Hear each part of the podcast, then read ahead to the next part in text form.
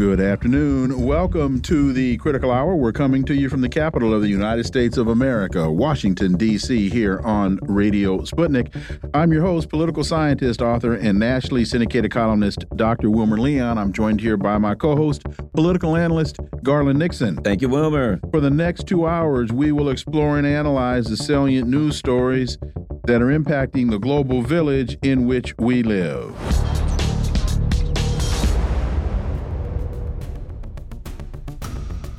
Responsible Statecraft has a piece entitled Biden's American Bedtime Story Falls Flat. Repeating nostrums or nostrums from the height of the unpopular moment, the president insists the U.S. must support two ongoing wars because its leadership, quote, holds the world together, end quote. What are we to make of all of this now? Well, for insight, let's turn to our first guest. Uh, he holds the John J. and Rebecca, Rebecca Moores Chair of History and African American Studies at the University of Houston. He's one of the most prolific writers of our time. His latest book is entitled Revolting Capital Racism and Radicalism in Washington, D.C., 1900 to 2000. Dr. Gerald Horne. As always, Dr. Horne, welcome. Thank you for inviting me.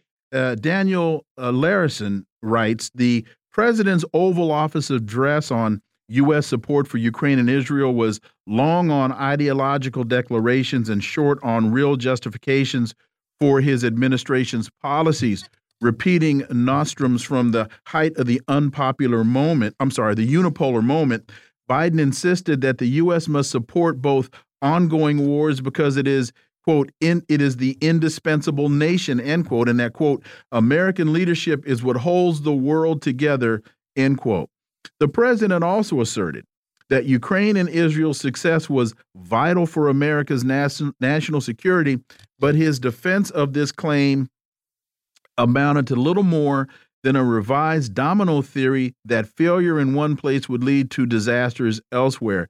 Uh, Dr. Horne, the entire time that I was listening to Joe Biden, all I heard was the late Fred Hampton saying, All we get are answers that don't answer, explanations that don't explain, and conclusions that don't conclude. Your thoughts, Dr. Gerald Horne.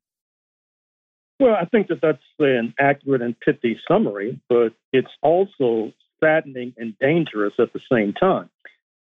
Saddening in the sense that Mr. Biden still has difficulty reading from a teleprompter, which made this a rather sorry spectacle in terms of presentation. And then when you get to the substance, uh, I, I wish that Mr. Biden would consult the borrowing costs that are now being imposed on the United States government. The era of 0% interest rates have disappeared, perhaps forever, as far as Washington is concerned. And that means that both the debt and the deficit will continue to go through the roof. At the same time, Washington is picking up the tab for 150,000 Ukrainian civil servants. And now, with the Israeli economy about to seize up as a result of the weekend warriors to the tune of 300,000 plus folks who were stocking grocery shelves and sitting in office cubicles as recently as two weeks ago, now in green fatigues on the front line, there's a distinct possibility that the United States will have to bail out the Israeli economy, not to mention these multi billion dollar arms packages that Senator Mitch McConnell said, uh, not inaccurately, would basically redound to the benefit of the U.S. military industrial complex. Uh, that's something to consider. But it's also the fact that during his lightning seven hour trip to Israel to give a bear hug to Bibi Netanyahu, inadvertently, Mr. Biden revealed that there are already U.S. boots on the ground in Israel, U.S. Special Forces. In addition to this naval flotilla in the Eastern Mediterranean off the coast of Israel, we have been told by the U.S. press that Mr. Biden has been sending messages through his State Department to Hezbollah and indirectly to Iran that if they decide to intervene in Israel or in Gaza to support Hamas, that this will be taken as a signal for the U.S. military to get involved. At the same time, we know that in the last few days, there have been attacks on the unauthorized, unwarranted U.S. military forces on the ground in Syria, uninvited by the government. We know that the Syrians did invite the Russians to their territory. It would not be beyond the realm of possibility for the United States to seek to go for the gusto and somehow arrange an attack upon Russian forces in order to drain Moscow so that they presumably will be less effective in Ukraine. But obviously, that could be a trigger for a wider conflict. Speaking of a wider conflict, we also know it's just been revealed that when that U.S. vessel supposedly a few days ago interrupted a missile shot from Yemen, supposedly destined for Israel, that actually it was part and parcel of a lengthy nine hour battle between what have been described as Iranian proxy forces, speaking of the Houthis in Yemen, and their U.S. counterparts. These U.S. vessels in the neighborhood are sitting ducks, some of them as long as two or three football fields. I dare say that even with my age and uh, not being in ideal condition, I could probably uh, wound one of those ships, not to mention the Houthis or Hezbollah uh, other forces. I should also mention that the Turks, who are part of NATO, the U.S. dominated military alliance, are totally unhappy about what's going on. Recall a few years ago that the Turks sought to send an Angel of Mercy, a ship loaded with humanitarian supplies, during a previous besieging of Gaza by the Israelis. And for their troubles, the ship was boarded by Israeli authorities. A number of Turks were roughhoused and manhandled. Some did not leave with their lives intact. Uh, Turkey has, or Turkey, I should say, uh, has a reputation for developing uh, fierce fighters. They can mobilize 2 million fighters within an hour. Oh, excuse me, within a month, it is said.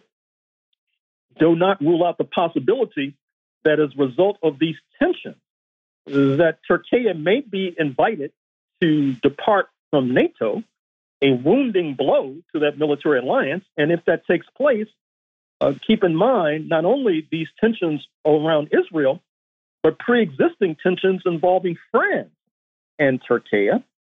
I should also mention that the U.S. forces in Iraq could come under attack. In fact, we should not rule out the possibility, and I underscore the phrase possibility, that in the next few days or weeks, perhaps months, there will be a full court press on both the Israelis and their U.S. allies that could involve not only attacks from the north by uh, north of Israel by southern Lebanon from Hezbollah, uh, from the south by Hamas, uh, also attacks on U.S. unwarranted, unauthorized forces in Syria, ditto for U.S. forces in Syria. In other words, we may be reaching a significant fork in the road, and that possibility is also supplemented by the statement put out by the Association of Southeast Asian Nations, which is spearheaded by Indonesia, which has the largest predominantly Muslim population on planet Earth, in a country of 250 million. Uh, they excoriated the Israelis.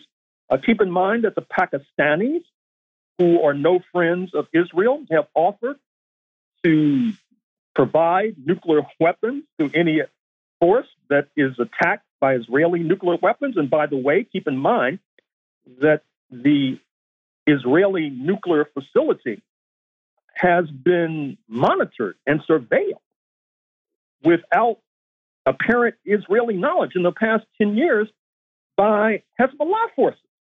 So, once again, we are reaching a fork in the road. We're reaching a crossroads. I think that these attacks right now upon U.S. dissidents and U.S. dissenters from this headlong rush to World War III, that that will continue for some time to come, their persecution, their harassment, I'm afraid to say. But in the long term, as it becomes clear that Israel and its right wing policy have helped to lead the United States to the brink of yet another quagmire, uh, complementing Afghanistan and Iraq and other sites too numerous to mention, there's going to be a round robin session of finger pointing within the U.S. ruling class. There will be bitter recriminations.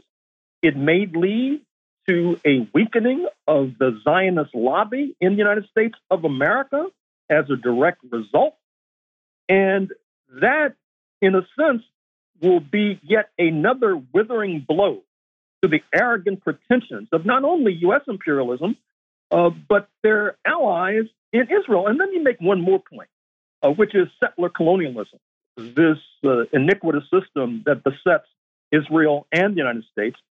We need to recognize that settler colonialism involves a kind of class collaboration amongst the settlers, be they a Jewish in Israel, where Jewish workers and Jewish capitalists are supposed to be on the same team, and the uh, workers are supposed to somehow ignore uh, their deteriorating life chances. And of course, in the United States, too, European settlers, so called white settlers. Uh, that helps to explain the Trump phenomenon, this idea of class collaboration.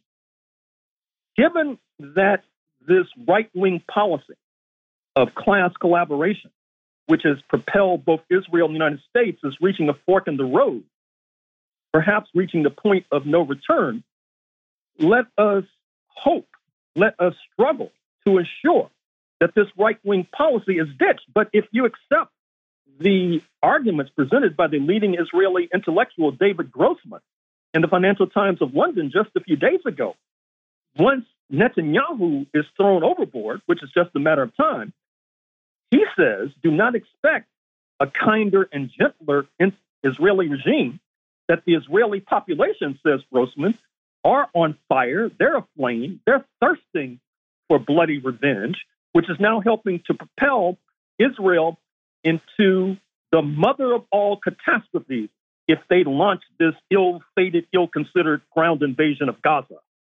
Dr. Horne, one of the things I think is uh, important, and critical from the speech to evaluate is where um, President Biden referred to the U.S. as the indispensable nation that holds the world together. And the article says it's astonishingly, it's an astonishingly arrogant belief that holds that the security of the rest of the world hinges on constant U.S. interference. Dr. Horne.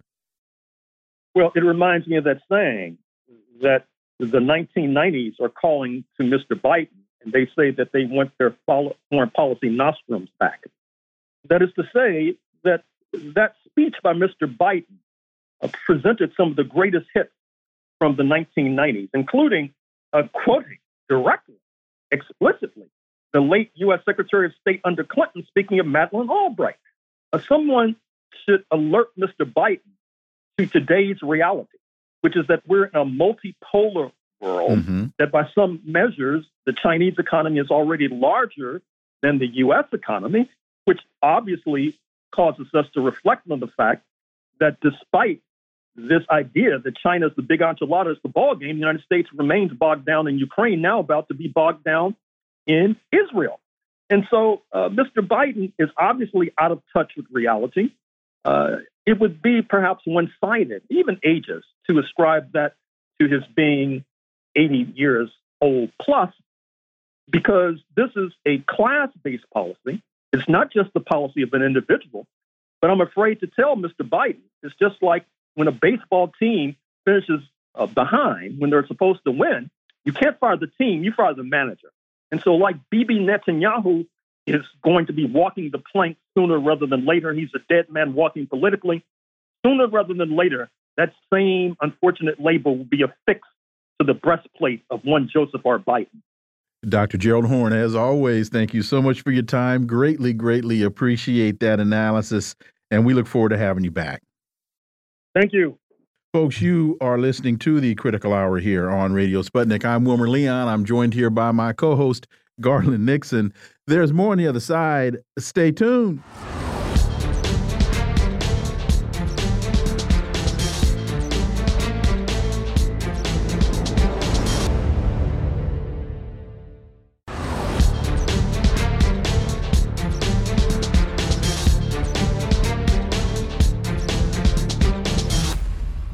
We are back, and you're listening to the Critical Hour on Radio Sputnik. I'm Wilmer Leon, joined here by my co host, Garland Nixon. Thank you, Wilmer. Al Mayadeen English reports ceasefire in Palestine not anytime soon.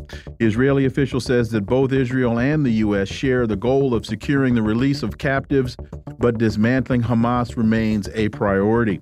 For insight into this, let's turn to our next guest. He's an award winning broadcaster and journalist based in Beirut, Lebanon, Laith Marouf. As always, Laith, welcome back. My pleasure to be with you. So, Al Mayadeen continues despite efforts by the U.S. and uh, Qatar to secure a ceasefire. It appears that a ceasefire is not on the immediate horizon. This is according to senior Israeli officials cited by CNN. Uh, yesterday, CNN reported that Washington had exerted pressure on the Israeli government to delay a ground invasion in Gaza for the sake of facilitating the release of more hostages. The Israeli government, however, seems to be unaware of such calls for a delay to the ground operation.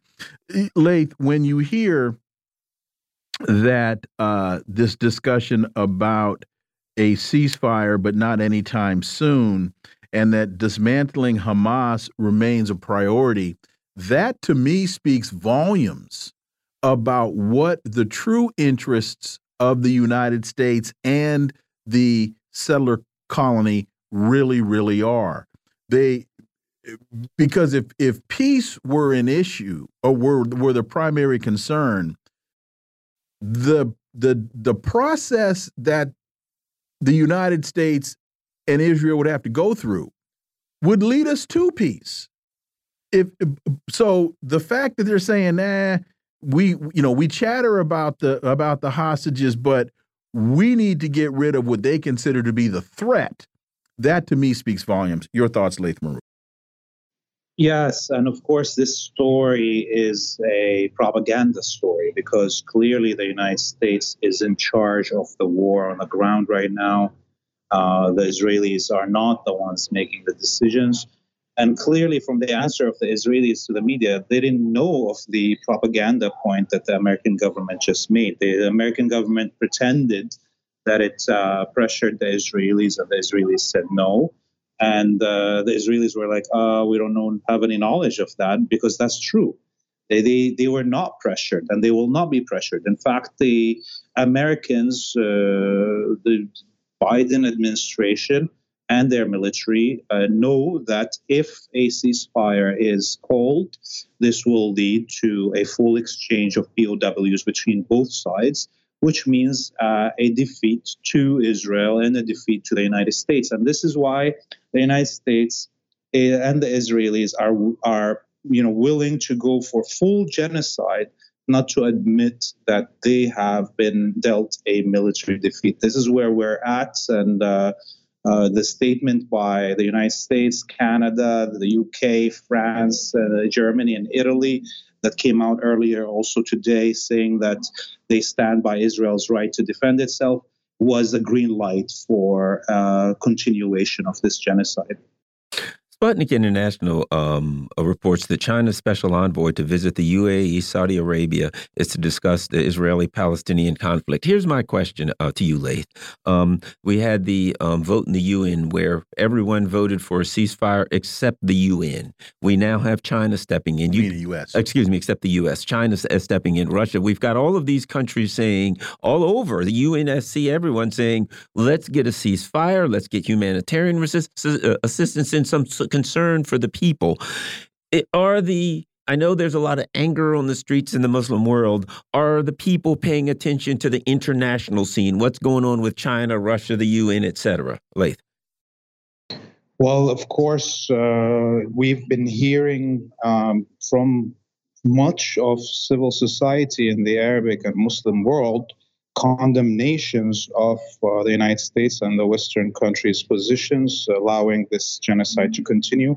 In fact, today there was demonstrations in Kuwait, a country that was uh, kind of saved by the United States in the 1991 war. The Parliament of Kuwait and and the people on the street are saying the United States is the enemy of Kuwait. So this is now the level of tectonic change and shift that is happening in attitude.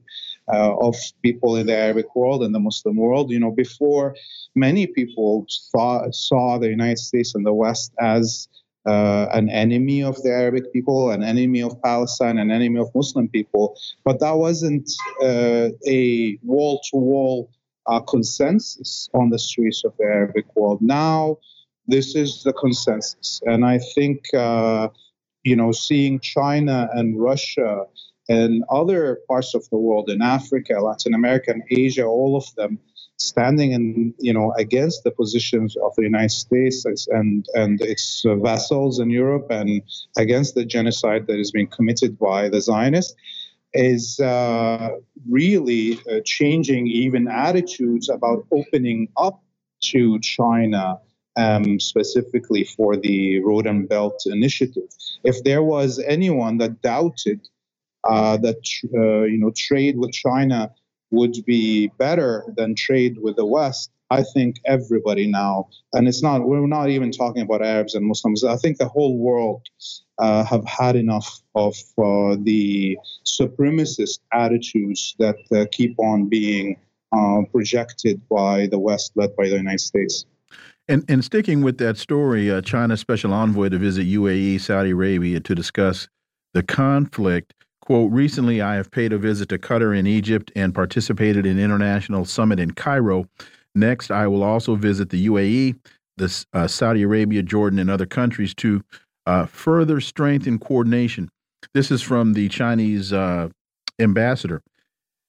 It's it's the the contradictions between the United Joe Biden's trip, most recent trip to the region, and what what China is trying to do. China is there trying to broker peace. The United States, Joe Biden left fanning the flames of conflict.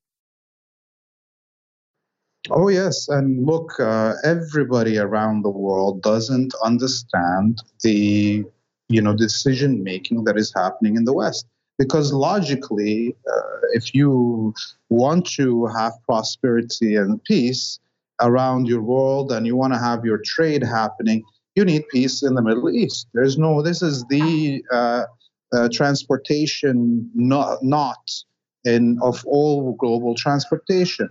And for the United States to be uh, pushing for a continuation of war and a continuation of genocide that's going to uh, blow out the whole region is going to go up in flames any minute now. This is uh, suicide for the United States itself. So nobody understands what's the logic behind uh, in, in the minds of those who are making decisions in the West, except for the fact that they are supremacists and they're not willing to accept equality for Palestinians and equality for Arabs in general. And uh, that means that the United States uh, and those who are in charge in the West in general have ceased to be rational actors. They have now decided that they, uh, it's better to maintain their supremacy and their feelings of supremacy then maintain their own uh, economic uh, security and uh, and security in general for their own people. This is this is how irrational the elites in the West have uh, have become, and I think this is something that citizens in the United States and the West have to deal with because we. Uh, as Palestinians, as Arabs, and Muslims, we will liberate ourselves from the domination of uh, the fascists, the Zionists, and the United States. Uh, come hell or or high water, we're going that way. And now it's up to the Western citizens to free themselves from these maniacs that leader are leading their countries. Let me ask you this. We've recently found, you know, the U.S. Um, announced that uh, they had some ships off the coast of Yemen, and there were a couple of missiles fired towards Israel, and they stopped the, uh, the, the, missiles. And now we're reading that there wasn't a couple missiles; that there was a, like a twelve-hour battle with missiles and uh, uh, drones and all kinds of things. I'm reading that um, U.S. bases are being attacked. You know, they're talking about the danger of the possibility of U.S. Uh, uh, military positions being under attack. It sounds to me like that's already happening, Laith, but on a small scale, but it could be it could move to a to a to a to a scale where they would be, you know, some of the bases would basically be destroyed. Your thoughts on that? What do you know about that in the region? Yes, well, earlier today, the uh, Iraqi resistance groups uh, fired uh, two suicide drone missile uh, drones on um, the American bases uh, in uh, northeast Syria. They also hit Ain al Assad, the main American base in Iraq, with two suicide drones, and they hit Al Tanaf uh, American occupation base on the, on the triangle between Iraq and Syria and Jordan, again with, with suicide drones, and they all hit their targets. We also know that the Yemenis earlier today fired, uh, uh, you know, long-range uh, missiles and drones, and they hit their target inside occupied Palestine. So the U.S., uh, you know, may have shot down some uh, of the missiles and drones two days ago, but today those uh, missiles from Yemen and drones hit their target inside occupied Palestine. So we're past uh, the stage of uh, you know just firing shots. Uh, I think what we will see in the next few days. Um, as we edge closer to the regional war, if the Zionists do not stop the genocide, uh, that uh, you know much of the radar installations and command and control um, and communication hubs that the U.S. has for their bases will be hit, uh, just like the Lebanese resistance in South Lebanon for the last uh, two weeks have pounded all the eyes and ears of the Israeli military in North Palestine and, and have destroyed their capability to know what is happening before any invasion uh, that could uh, happen for to liberate Palestine. And so we expect the same to happen in American bases around the region before any confrontation uh, happens between the liberation forces in Iraq, Syria, and the occupation forces of the Americans. And so this is the the next five days will we will see a, uh, an increase in these attacks and the targets will be specifically to cut uh, the communication of these bases. Laith Marouf, as always, thank you so much for your time. Greatly, greatly appreciate that analysis, and we look forward to having you back. You have a great evening. Folks, you are listening to the Critical Hour here on Radio Sputnik. I'm Wilmer Leon, joined here by my co host, Garland Nixon. And there's a whole lot more on the other side.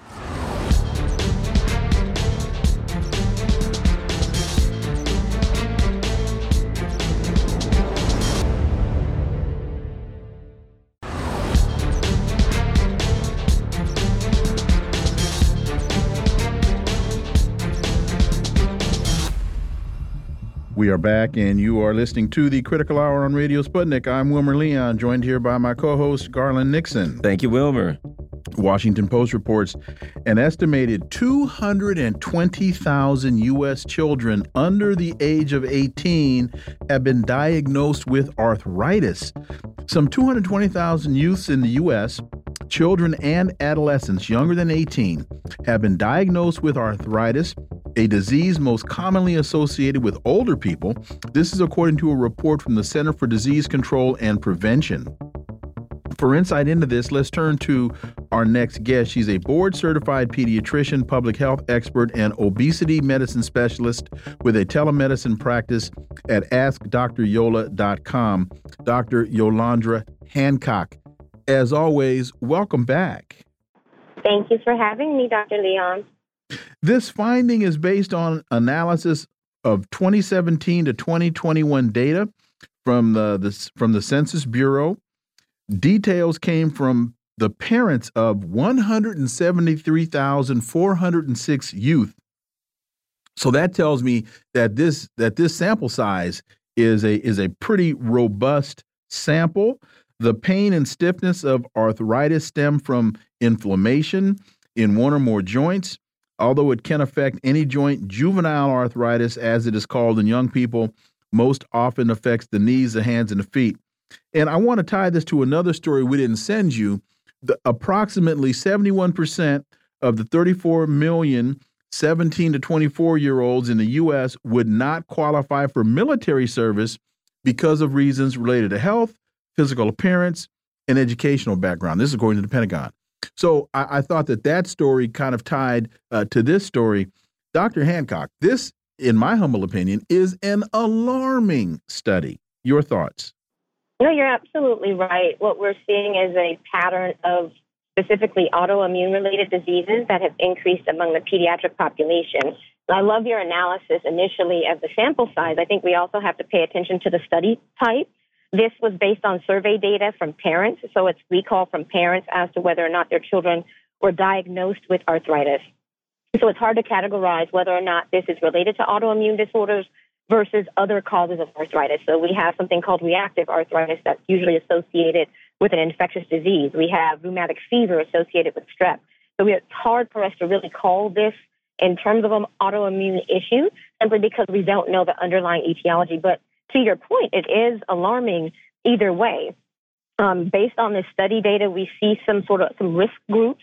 One uh, among children of color, their rates of arthritis were actually double that of their white counterparts.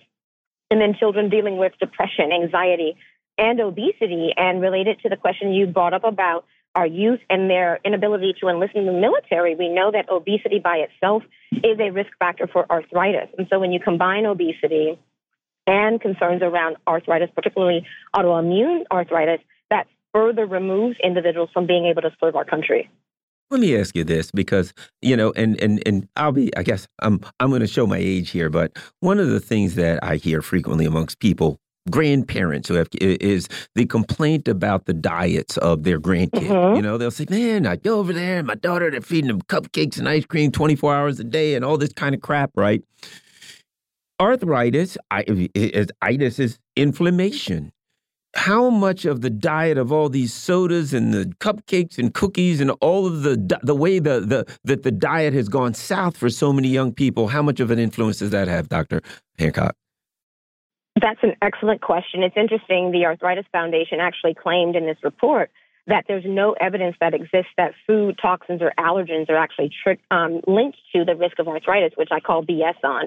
One, because we don't dedicate time, money, and resources to the actual study and the relationship between food and these disease processes. But we know that there's certain additives in our food that are disallowed in Europe. Some of these are specifically what we call free radicals. So some of these additives are directly linked to the creation of inflammation in the body and later on shown in at least animal studies to link to things like cancer. So you can't tell me that additives and things like Lunchables and a lot of the foods that our children eat, we know that around half of the American population eats processed foods on any given day.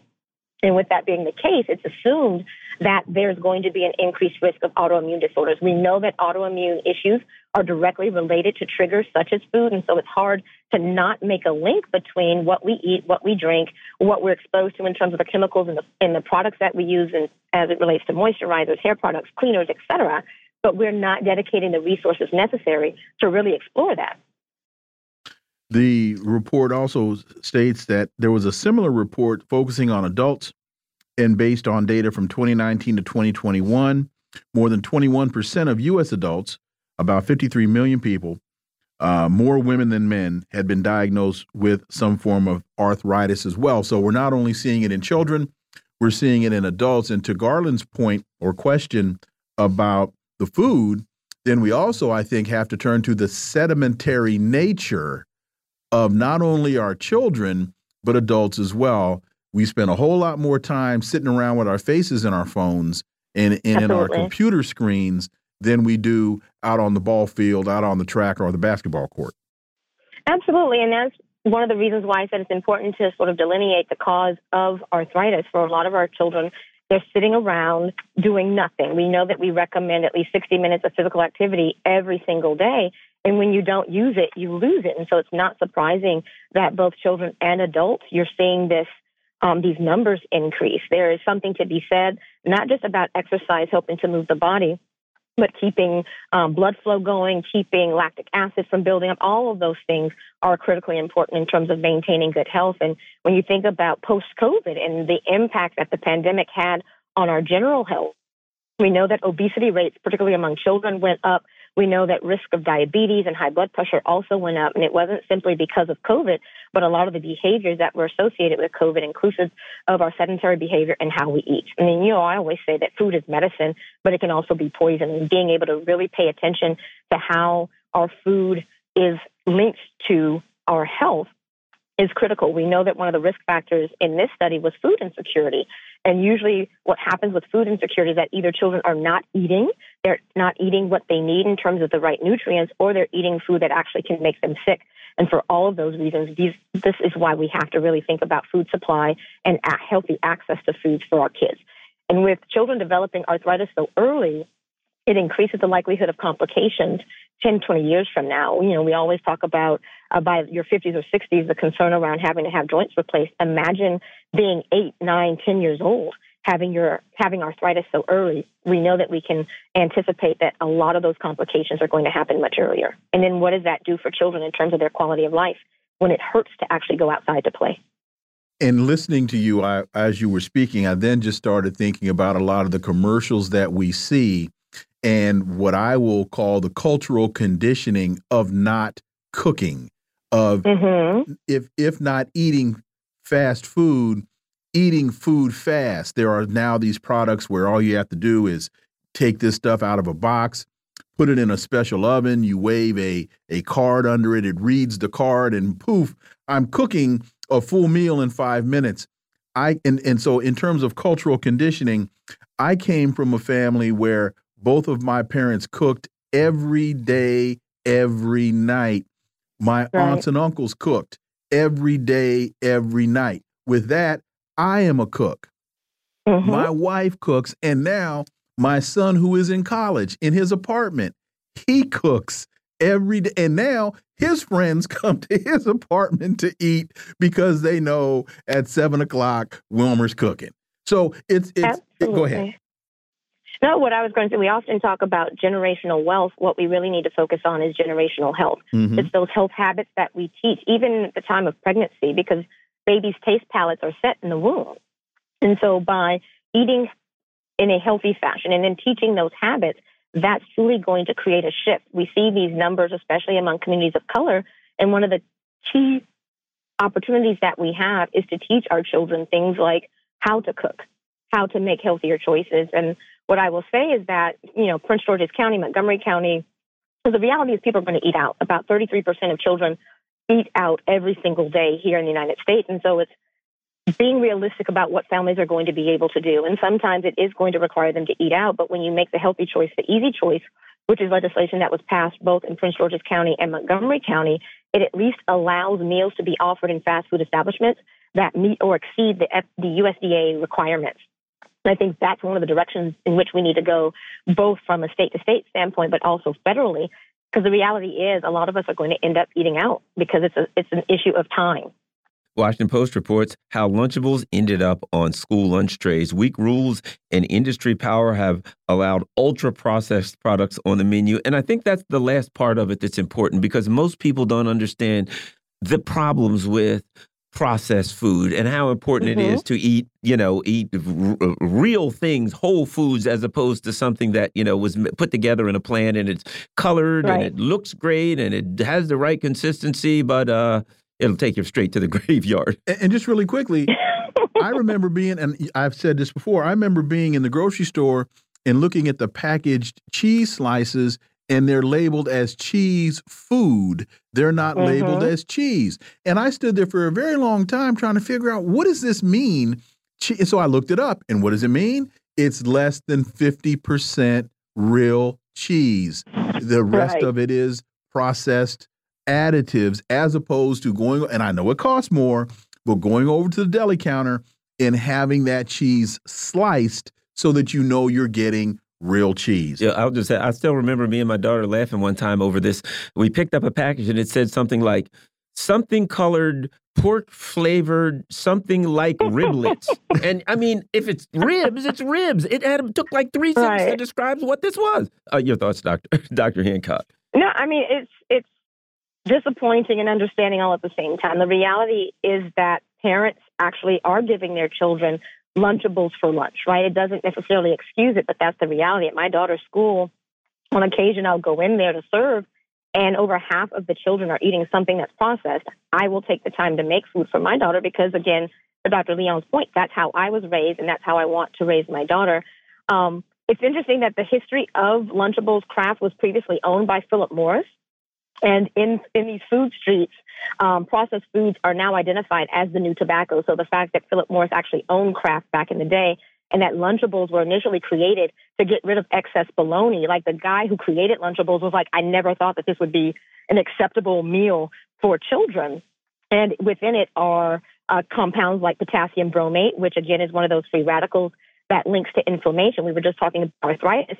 How can we be surprised that children are developing arthritis in a larger number and at a, you know and at a younger age because of the foods that we are giving them. In a Lunchable, the turkey and cheese Lunchable, half of a child's sodium is contained in that one meal. And this is what is now allowed. And I think it speaks both to sort of where we are in society, but it also speaks to how the food industry has infiltrated the legislative process. There's a school nutrition association that's supposed to be there to protect not only the folks who work in the school food industry, but also our children. And a majority of the funding comes from big food, like Kraft. And so you can't really expect the, the fox to protect the henhouse. They are there to protect their interest and they're excited. They're looking at their profit share increase because of this decision. Uh, when Obama was in office, uh, thanks to the previous First Lady, uh, my forever First Lady, Michelle Obama, they were able to pass legislation with some of the most strict USDA guidelines.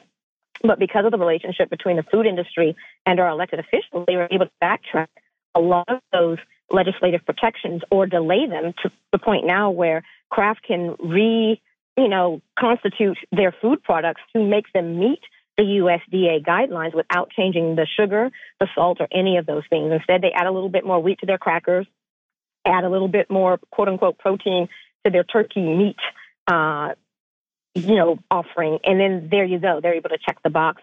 And unfortunately, it means more chemicals, more salt, more sugar for our children.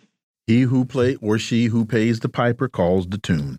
Dr. Yolandra exactly. Hancock, as always, thank you so much for your time. Greatly, really, greatly, greatly appreciate that analysis. We look forward to having you back. Thanks for having me. Folks, you're listening to the Critical Hour on Radio Sputnik. I'm Wilmer Leon, joined here by my co host, Garland Nixon. There's more on the other side. Stay tuned.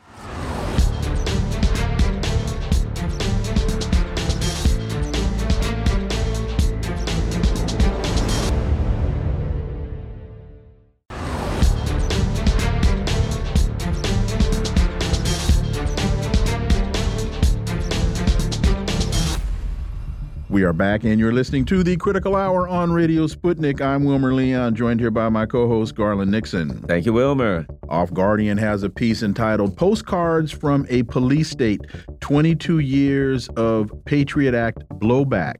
For, for those who remember the days and months that followed 9 11, there is an unnerving feeling of deja vu about the Hamas attacks on Israel.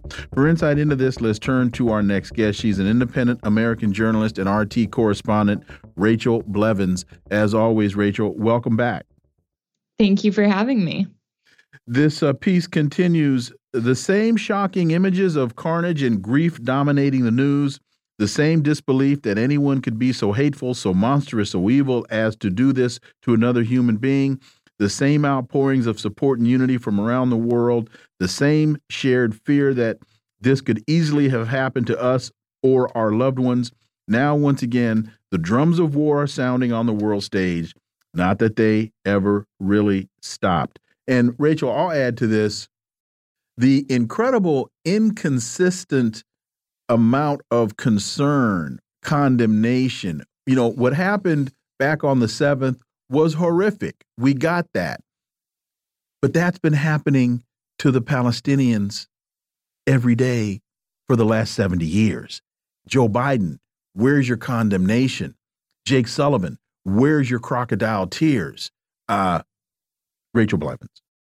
Yeah, absolutely. I know uh, Israel was certainly quick to call that October 7th attack Israel's 9 11. And then you had Netanyahu come out and start talking about the axis of evil. And it really was like deja vu all over again when you go back to the aftermath of 9 11 that we saw here in the United States. Another similarity was the fact that you had warnings that an attack was going to happen in both cases, and you had governments that did not act on it. In the case of Israel, the reports that we saw were that they were getting warnings from Egypt, but that they were too worried about focusing on their settlements in the West Bank, that they weren't focused on Gaza and on the concerns that there was going to be an attack coming out of the Gaza Strip.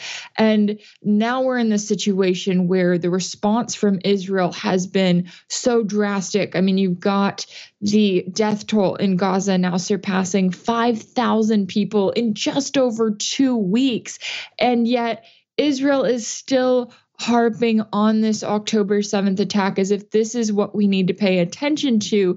And it is eerily similar to exactly how we saw the US government respond in the aftermath of 9 11 here, even to the point that you have Joe Biden going to Tel Aviv and warning Israeli leaders there not to recreate the mistakes that were made by the US in the aftermath of 9 11. Now, which mistakes he's actually talking about in terms of the endless wars, the millions of civilians who were killed and had their lives impacted by the US war on terror, I don't know exactly what he's referencing there, but he did reference some mistakes. So it certainly is something that is in mind when looking at comparing these two situations you know, and from the perspective of censorship, here's something interesting. I regularly, you know, I like to go to news all around the world, and one of the sites that I go to is Haaretz, right? They're allowed to do more than people here when it comes to the criticism of their government's policies. You go to Haaretz and they criticize Netanyahu, they criticize blah, blah, blah. Here, and this is where we are now, if our government takes a position, if it's on Ukraine, if it's on Israel, if it's on Taiwan, whatever the case may be, you're not allowed to criticize it. If you criticize it and you're on the on CNN, Fox, whatever, you're thrown off the air. You never come on. If you criticize it and you and you're on YouTube or Twitter or whatever, you're thrown off. We're at a point where you're not allowed to criticize the government policies um, and there are gatekeepers in the social media corporations. There's gatekeepers in the regular media. Your thoughts on the fact that we now live in a country where once the government says this is true and this is false, you can't stand up and say, well, I disagree with this. I think there are other possibilities here, Rachel. Yeah, I think this is something that has been happening since 9 11, especially. It kind of got kicked into high gear, you know, talking about the Patriot Act, talking about all of the ways that the US government came in. It used the unprecedented fear that Americans were feeling, and it used it to take away their rights, not just until we, quote unquote, eradicated terrorism as if that was possible, but forever. That was their plan was that they were going to use this horrible attack to then make it so that they could spy on the American people, make it so that there were greater consequences for anyone who questioned and who criticized the US government. And those are supposed to be some of our most important rights that set us apart from the rest of the world. And I think that we have a media in this country that definitely makes sure that people are kind of kept in check. And then we, of course, have a social media apparatus in terms of the majority of the big tech companies that also try to keep that in check, whether you're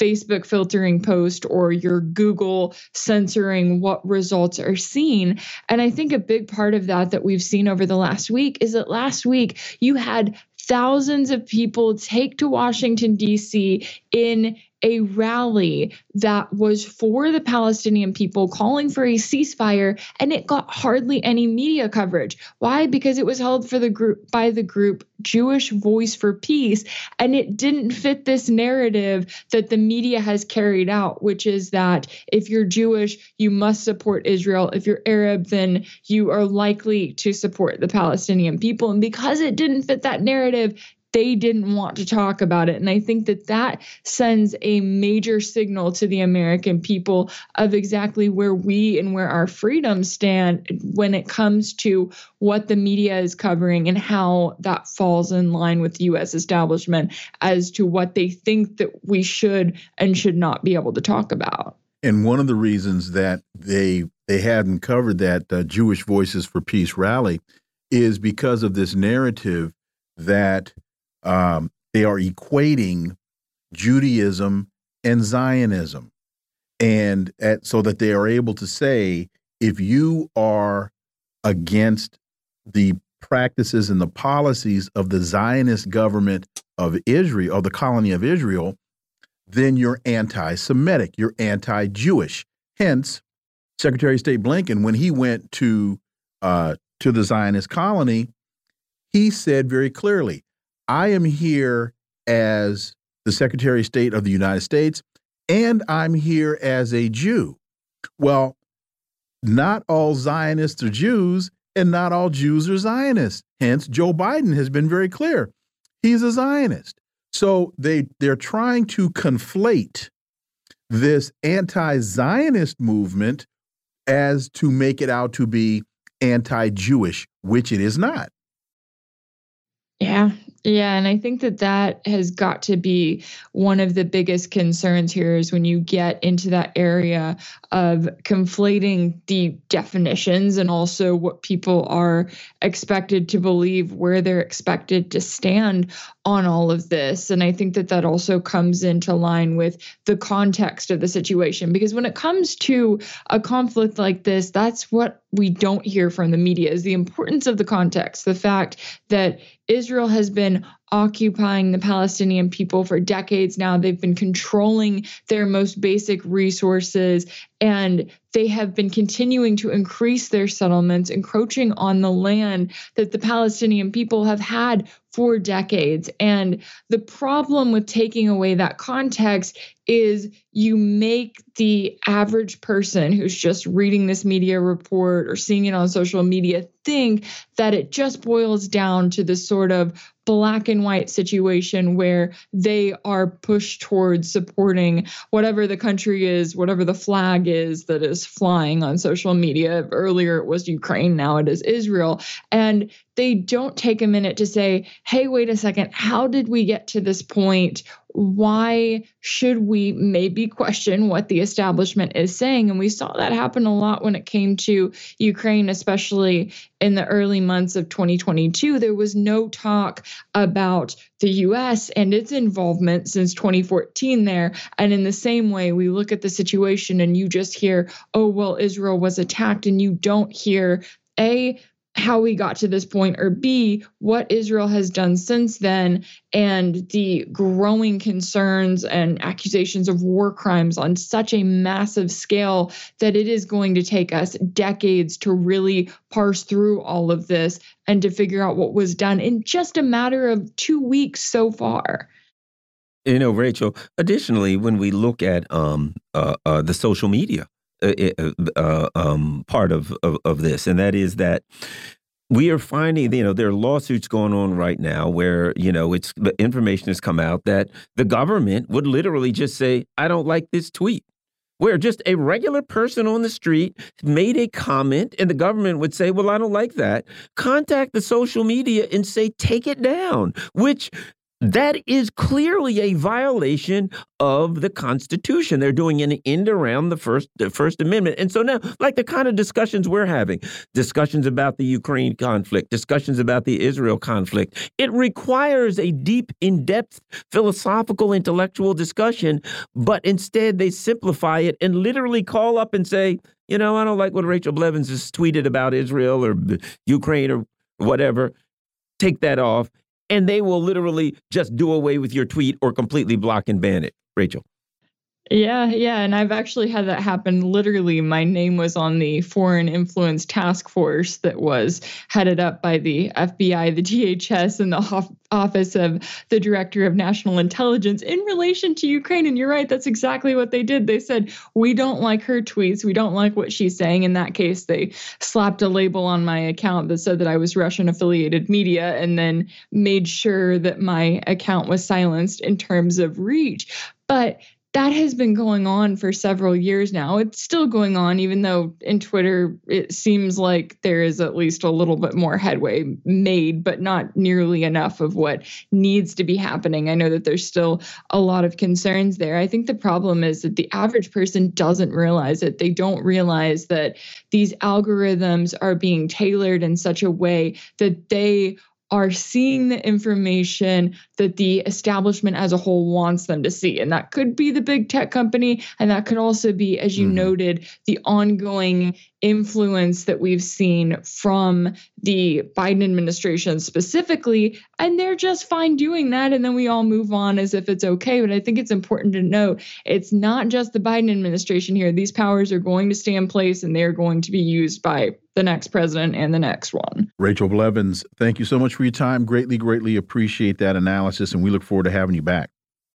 Thank you. Folks, you're listening to the Critical Hour on Radio Sputnik. I'm Wilmer Leon. I'm joined here by my co host, Garland Nixon. There's another hour on the other side. Stay tuned.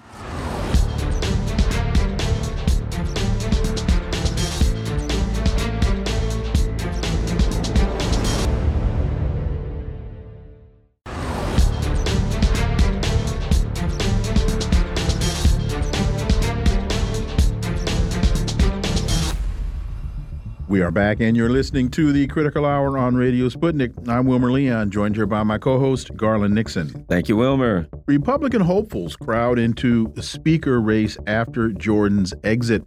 Party plans candidate forum for later tonight and a vote as soon as tomorrow. Republican lawmakers heading into another week without a speaker will try to overcome deep divisions long enough to unify behind a new candidate after colleagues soured on conservative firebrand Representative Jim Jordan following a string of unsuccessful floor votes. How significant is this, and what does this mean about governance? For insight, let's turn to our next guest. She's a political commentator and podcast host, Misty Winston. As always, welcome back. Hey, fellas, thanks for having me.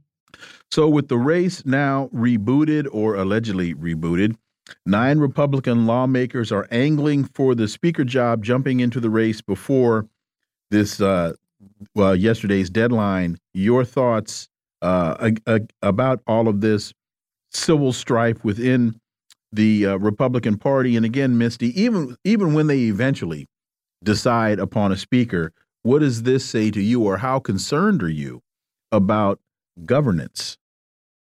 Oh, well, that's a big question. Uh, well, first of all, here comes the clown car, right? I mean, uh, we now have nine people who have entered into this uh, fray. Um, I uh, it, it's going to be. I think what the the most significant thing about this for me watching this is that I guess I wasn't fully aware of the internal strife that was happening with inside the GOP. I knew that there was obviously some.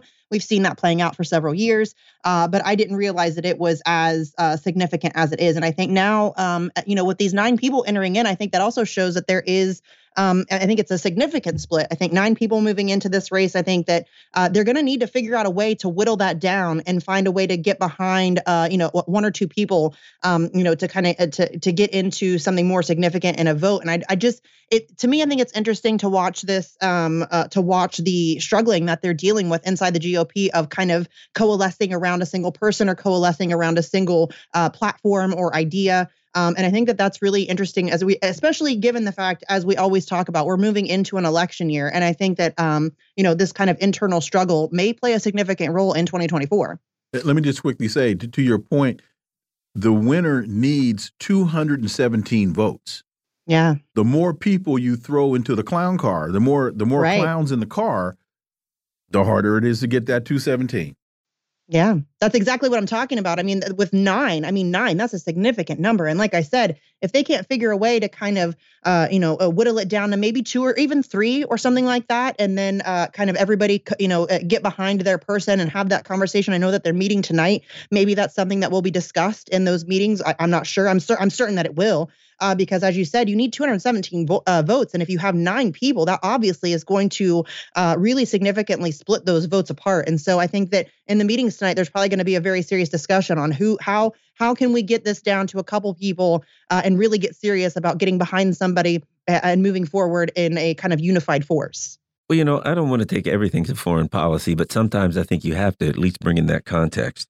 Think about yeah. what this started over. It was the Ukraine money. This whole fight inside the GOP started over certain groups saying we don't want any more money to go to Ukraine, and other people saying, oh, we're going along with the Democrats. This started over foreign policy. This is another, to me, example of the um, you know, bombastic uh, uh, neocon foreign policy of the United yeah. States, not just destabilizing and causing chaos in the regions that we go to, but now it's literally destabilizing and causing chaos in the government of the United States. Misty.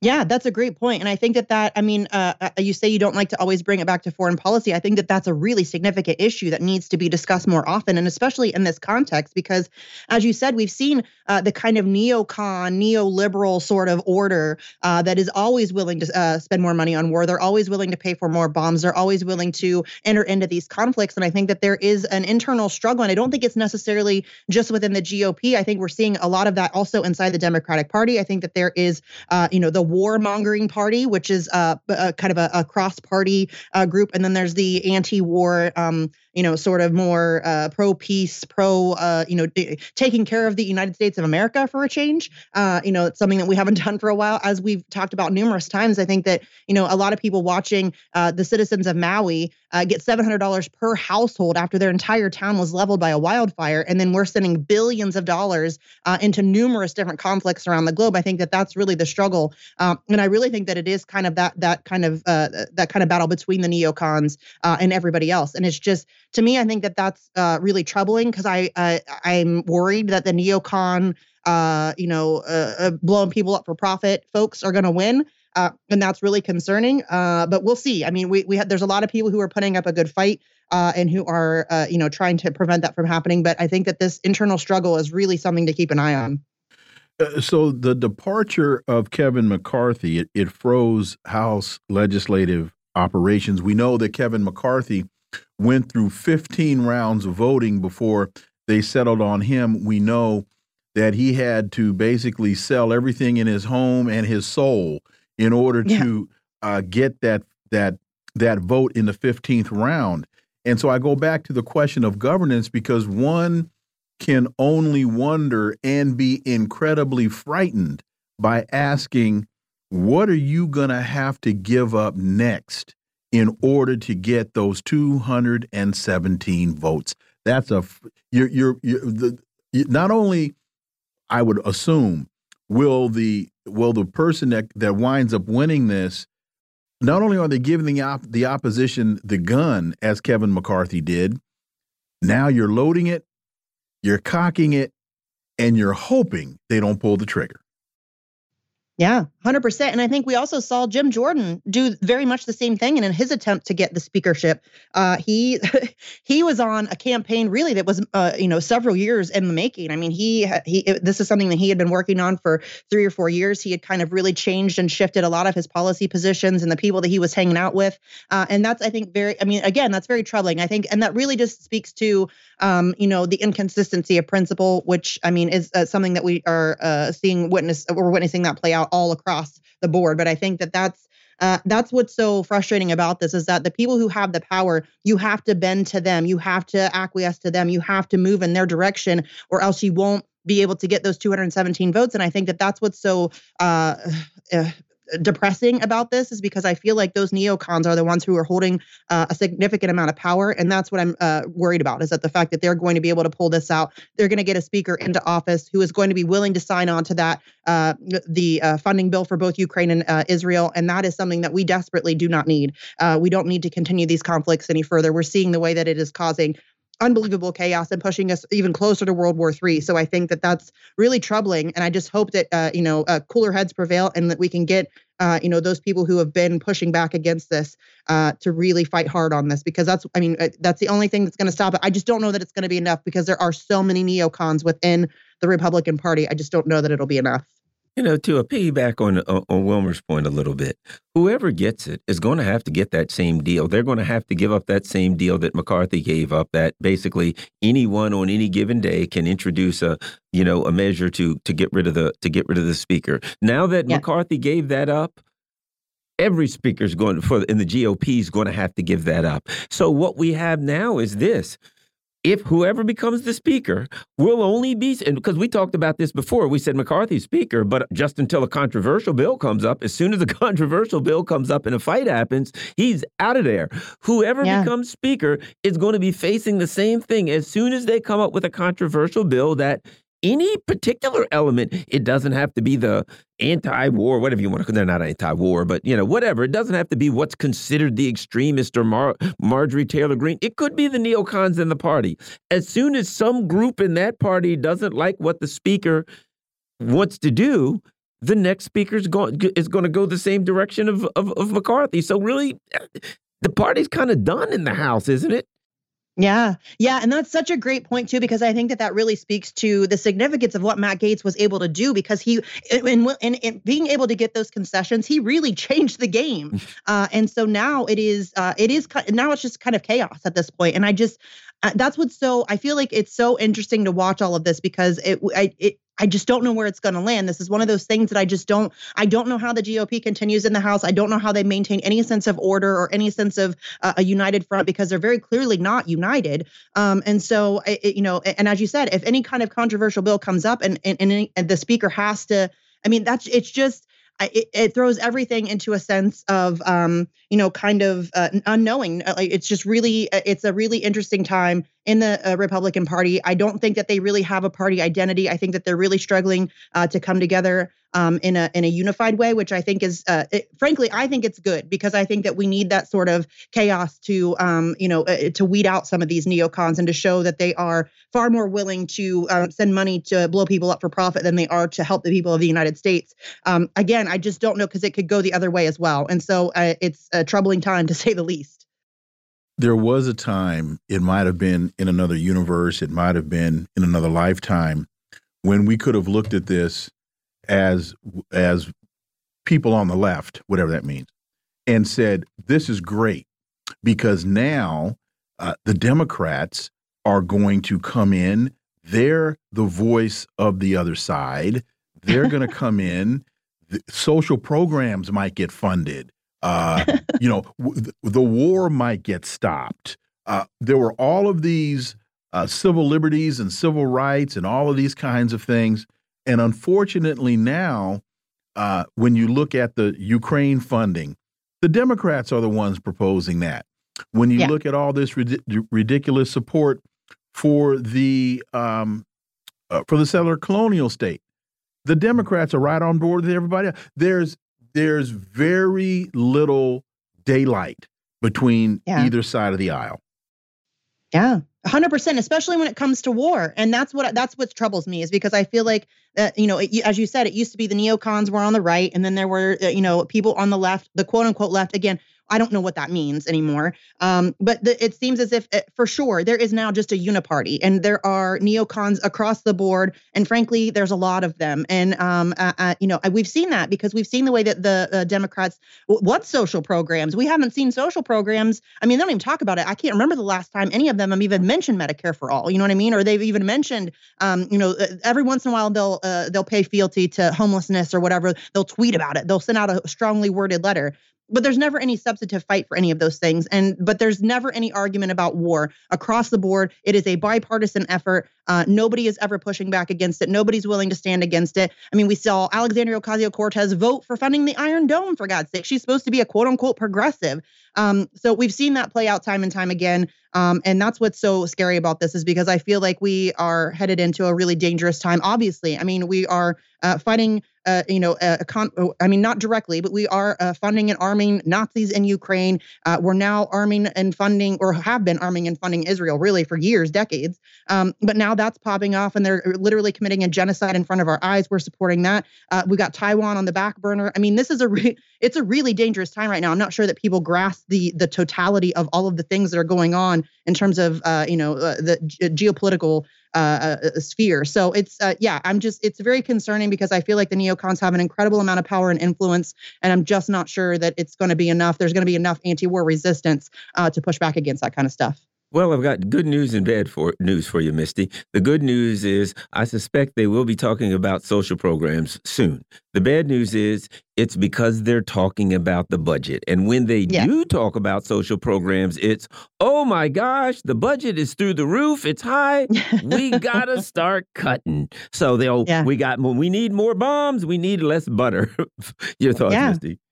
Yeah, no, I mean that's and that's what's so frustrating. And what we're what we're also going to see is here. Uh, I, I would imagine here within the next month or two, the quote unquote progressives are going to start again paying lip service to those kind of social programs. We're going to see Bernie Sanders and AOC tweeting about Medicare for all, but it's only going to be platitudes because we are moving into an election year and they want to get reelected. And so they're going to. I mean, they've done that every time. Alexandria Ocasio Cortez ran on being pro-Palestinian. As soon as she was elected, that disappeared off of her website. Um, so none of them mean it. That's what's so frustrating about it. So yeah, we're going to hear conversations about it. There's always money for war. There's never money for the poor. Uh, I know I just very poorly uh, quoted Tupac, but that's accurate. um, uh, that is an accurate statement. There's always money, and there's never any question. There's never any how are we going to pay for that. If you want to blow people up for profit, the money's already out the door before you can even uh, uh, fin- finish your sentence. So that's something that we need to contend with in this country, and there needs to be a groundswell uh, of public protest against that. I don't know any other way to stop it at this point.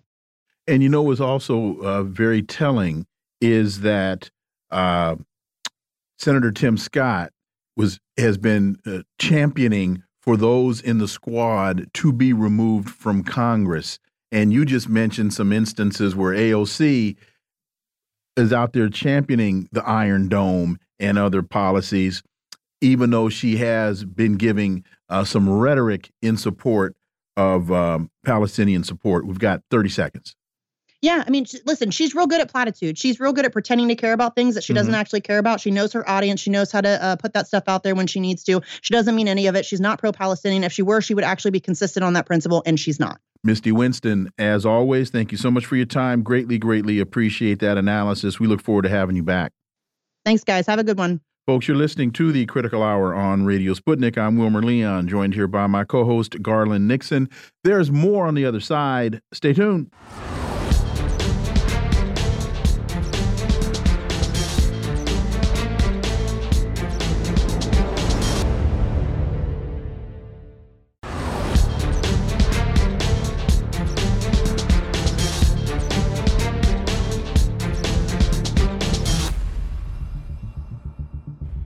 We are back, and you're listening to the Critical Hour on Radio Sputnik. I'm Wilmer Leon, joined here by my co host, Garland Nixon. Thank you, Wilmer. Sputnik International reports China's special envoy to visit UAE, Saudi Arabia to discuss Israeli Palestinian conflict. Chinese special envoy on the Middle East, Isu Zhai Jun, says today he intends to pay a visit to the UAE, Saudi Arabia, Jordan, and other countries to discuss the Israeli Palestinian conflict escalation. For insight into this, let's turn to our next guest. He's a peace activist, writer, and teacher. KJ Noh. As always, KJ, welcome back. Thank you. Pleasure to be with you. Quote, recently I have paid a visit to Qatar and Egypt and participated in the international summit in Cairo. Next, I will also visit the UAE, Saudi Arabia, Jordan, and other countries of the region to further strengthen coordination with relevant parties to promote ceasefire end violence and mitigate the situation. This is according to the Chinese special envoy. Uh, KJ, it one can only look at this and and just sit back in amazement how uh, China and other representatives from other countries are tra traveling the region trying to generate support for peace the president of the United States, who in this instance could be and should be a statesman, is actually sitting there with his thumb on the scale saying, go ahead and attack, but just be nice when you do it. KJ, no. You're absolutely correct. I mean, China is using its good offices, uh, you know, scrambling to do shuttle diplomacy to try and de escalate and find a peaceful resolution and the United States is saying, don't even dare talk about de escalation. Nobody mentioned ceasefire. I mean, this is an official document that has been circulated to its own uh, diplomats. It only wants to make sure that whatever Israel does, it does it with a minimum of PR blowback. And so it's trying to mitigate the PR damage rather than prevent the horrific uh, war crimes and atrocities that are sure to happen and that are already happening. KJ, one of the things, if you could comment on, um, we've we've we're, we're, we're uh, reporting on some stories last week where um, there were um, European diplomats saying, "quote We've lost the global South." the the view um, we had uh, we've had uh, uh, Laith Marouf on talking about the view from the Muslim world where they're just saying forget the West. We've got to do business with China. We got to do business with Russia. Um, recently, the uh, UN resolution vote it was fourteen to one against the United States. The U.S. the only one starting to try, uh, you know, working to stop the, the resolution for a ceasefire. Your thoughts on how the global South, Latin America, Africa, Asia, etc., are viewing this, the Muslim world? Well, I think you know, as I said before, this is a mask-off moment for the global South. I mean, the U.S. could you know, plausibly mystify, uh, you know, uh, many countries by pretending to be something that it was not. But when it came out all in favor of Israel's violence and was ignoring the ground realities as well as uh, international law, then you know at that point you know you can't keep up the pretense anymore. Even the quisling leaders uh, of U.S. allies had had to, uh, you know, make a, you know, conscientious statement because the outrage uh, on the street, the outrage globally is so extraordinary that they cannot but uh, speak up against what the U.S. and Israel are doing. The Washington Post has a piece where China stands on the Israel Gaza war and what it stands to gain. They talk about these exchange of comments and they wind up saying that this this exchange of comments was a neat encapsulation of how Beijing is trying to promote two key diplomatic aims bolstering its status as a champion of developing countries at the same time it is positioning itself as a superpower to rival the US in a multipolar world with some notable support. Two things so there are these nefarious aims at related to China trying to broker peace. There's there's something undermining. There's something behind this that is nefarious on the on behalf of the Chinese. And the other thing I just want to quickly go back to, which is that that story that Chuck Schumer spoke to President Xi and forced him to change China's position on the issue. Uh, the the PR, in fact, is actually more BS than PR. Is amazing. Yes, it's extraordinary. The BS uh, is extraordinary. I mean, first, the notion that somehow peace is nefarious, that China is being unprincipled in that it's trying to work for peace. Uh, I mean, China is on the side of peace. That much is clear because, yes, it stands to gain from peace, uh, but as do most of the countries of the planet, they gain from peace. Everybody benefits from peace, a just peace, uh, because China's model is win win cooperation. And on the other hand, the empire benefits from war. The U.S. is built on war, genocide, primitive accumulation, and geopolitical uh, oppression and bullying. So this is not a complex analysis. It just speaks to the completely upside down world that the Washington Post uh, inhabits and tries to foist on the rest of uh, rest of the planet. And, and, this takes me back to a line from uh, from Gil Scott Heron. He says, "Peace is not the absence of war. Peace is the absence of the need for war." And what I see China doing through its diplomacy is trying to eliminate the need for war. Exactly. It's trying to eliminate the need for war through building out uh, equal win win relationships across the world uh, and creating a just multipolar world rather than a hegemonic one where the unipolar hegemon extracts, bullies, and appropriates from the rest of the planet in a rentier system of capitalist exploitation. That is the fundamental difference. And so China is, as Gil Scott Heron would say, working for peace, and the US you know, is is doing the opposite. You know, here's an interesting uh, uh, uh, uh, passage from the article, the Washington Post article. In another contrast with the United States and its allies, China has said that Israel's Israeli re retaliatory strikes on Gaza went beyond what was acceptable under international humanita humanitarian law. I think a lot of the world feels that way.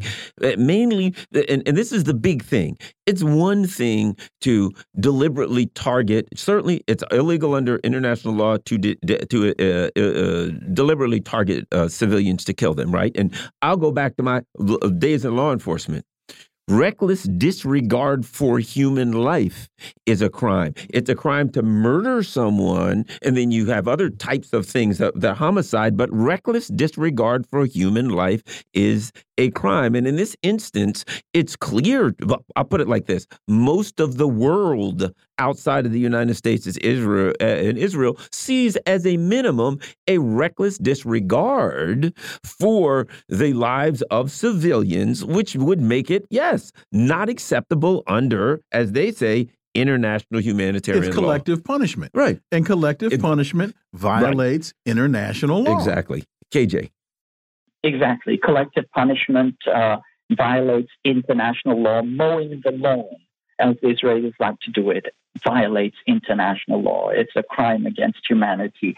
Uh, killing civilians out of a bloodlust revenge is against the law. All of these things are against international uh, humanitarian law and against human conscience. And the fact that the Washington Post is somehow once again, you know, trying to you know, throw shade on this speaks to the extraordinary, you know, uh, amorality of this uh, of the people writing this. Asia Times reports China, Russia in a nuclear sub counter to AUKUS. China's Type 096 nuclear submarine draws on Russian tech and expertise, and once operational, will bring U.S. mainland into closer missile range. KJ. Well, I mean, here's the point uh, is that you know you do AUKUS and we can do Russia-China, uh, you know, coordination. Uh, the uh, you know this is the fundamental problem with the U.S. Uh, elite class is they cannot consider that the other party might have counter moves, and it's very very clear that because the U.S. is escalating in its you know nuclear capacity, in particular its subsurface nuclear capacity against China, uh, China would do the same thing, just as North Korea would do the same thing. Uh, and so uh, this is, you know, a kind of a no-brainer. Uh, the fact that they have to mention this is extraordinary, and we can only point out that this alliance was forced by the United States. They forced Russia and China together in this, you know, uh, in this alliance or in this uh, technology sharing very simply because U.S. escalation through AUKUS became intolerable. Well, and additionally, the United States shares its technology with Israel, shares uh, hardware, finances, and pays for them, etc. So it only makes sense as they drive, as they go after North uh, North Korea, they go after uh, uh Russia, they go after China, and these are three countries that are highly technologically uh, evolved. That they would come together in a defensive move against someone who's saying we're going to come to your region and surround you with bases. KJ. You're absolutely correct. Yes, and let's let's highlight that these are defensive counter moves uh, by China.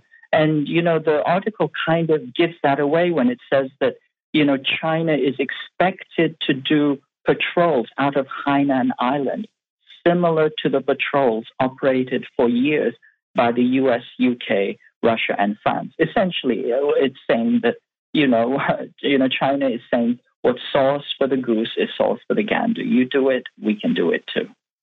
And following that story in Asia Times, Star Power. U.S. preparing for a space war with China. U.S. Space Force in strategic shift to fighting future wars of attrition while denying China's exquisite kill web in outer space. And is uh, if if I have this wrong, please correct me, KJ. But I thought there was a treaty signed by most of the developed nations that weaponry would be would, would not be allowed in space conflict would war would not be allowed in space and the United States was one of the few if only countries not to sign the treaty. Yes you're absolutely correct. You're referring to the PAROS treaty which China is a party to which is not to weaponize uh, outer space, and the U.S. has refused to China. Uh, to sign it, it's the idea is to preserve space for peaceful uses, for peaceful uh, development, uh, and the U.S. has, you know, clearly, uh, you know, clearly on on an agenda to weaponize it. Now, uh, you know, regarding space itself, the, the thing is that space uh, armies always look for the higher ground, mm-hmm. and space is the ultimate higher ground. We know that you know sea power defeats land power, air power defeats land and sea power, and space power is supposed to defeat land, air, and sea. And the U.S. is currently planning to colonize low Earth orbit with thousands, tens of thousands of satellites for surveillance, tracking, communication, and possibly uh, weaponry. And this is all part of its idea that it is supposed to have full spectrum dominance across all war fighting domains. This is why the Space Force recently participated in the Korean Ulchi Freedom Korean War Games, mm-hmm. and they're stationed in Japan and Korea. Now, what this says is that China has to respond. Otherwise, it simply gets, uh, you know, mowed over in this continual escalation. So I think that it's not un, uh, you know unexpected uh, that China should seek some kind of strategic counterbalance to this. And the U.S. is, you know, it's it's on a roll here. It's you know talking about tranche zero, which is to create a proliferated architecture uh, towards uh, essentially creating a military advantage in space. KJ Noh, as always, thank you so much for your time. Greatly, greatly appreciate that analysis, and we look forward to having you back. Thank you. Always a pleasure. Folks, you're listening to the Critical Hour on Radio Sputnik. I'm Wilmer Leon, joined here by my co host, Garland Nixon. There's more on the other side. Stay tuned.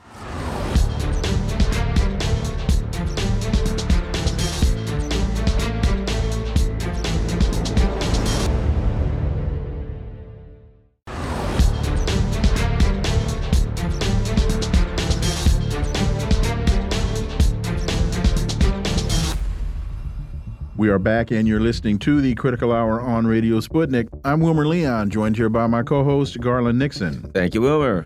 RT reports pro neutrality party wins Swiss election. The Swiss People's Party, which is also known for its anti immigration stance, won 28.6% of the vote in Sunday's general election.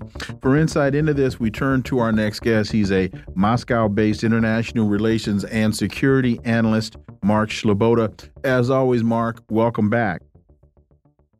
Dr. Leon Garland, thanks for having me. It's always an honor and a pleasure to be on the critical hour. The Swiss People's Party SVP, which campaigned on a pro neutrality and anti immigration platform, emerged as the main winner in Switzerland's general election yesterday, garnering 28.6% of the vote. Amid the ongoing Ukraine conflict, some politicians and officials in the country had been calling for closer alignment with NATO and the abandonment of strict neutrality. Uh, Mark, does this outcome in Switzerland surprise you? And is this outcome in Switzerland just another example of a rightward shift in European politics in response to a lot of actions that at the end of the day, the common denominator amongst them is U.S. aggression. Yeah. Um. So I, I wouldn't say that it is uh, uniquely a shift to the right. It depends uh, on the country in question, but um, countries that have political parties, be they to the right or to the left, uh, usually characterized as extreme left or far right or something of the sort, um, who have um, disagreed with the hegemonic center right, center left parties uh, that govern most Western countries in kind of a duopoly party of power, um, particularly on the issue of aid uh, to Ukraine, because they see um, a, uh, a foreign policy issue impacting directly on domestic politics. Um, because, first of all, of the large amount of taxpayer funds uh, that are are flowing uh, towards uh, Ukraine for most of these countries.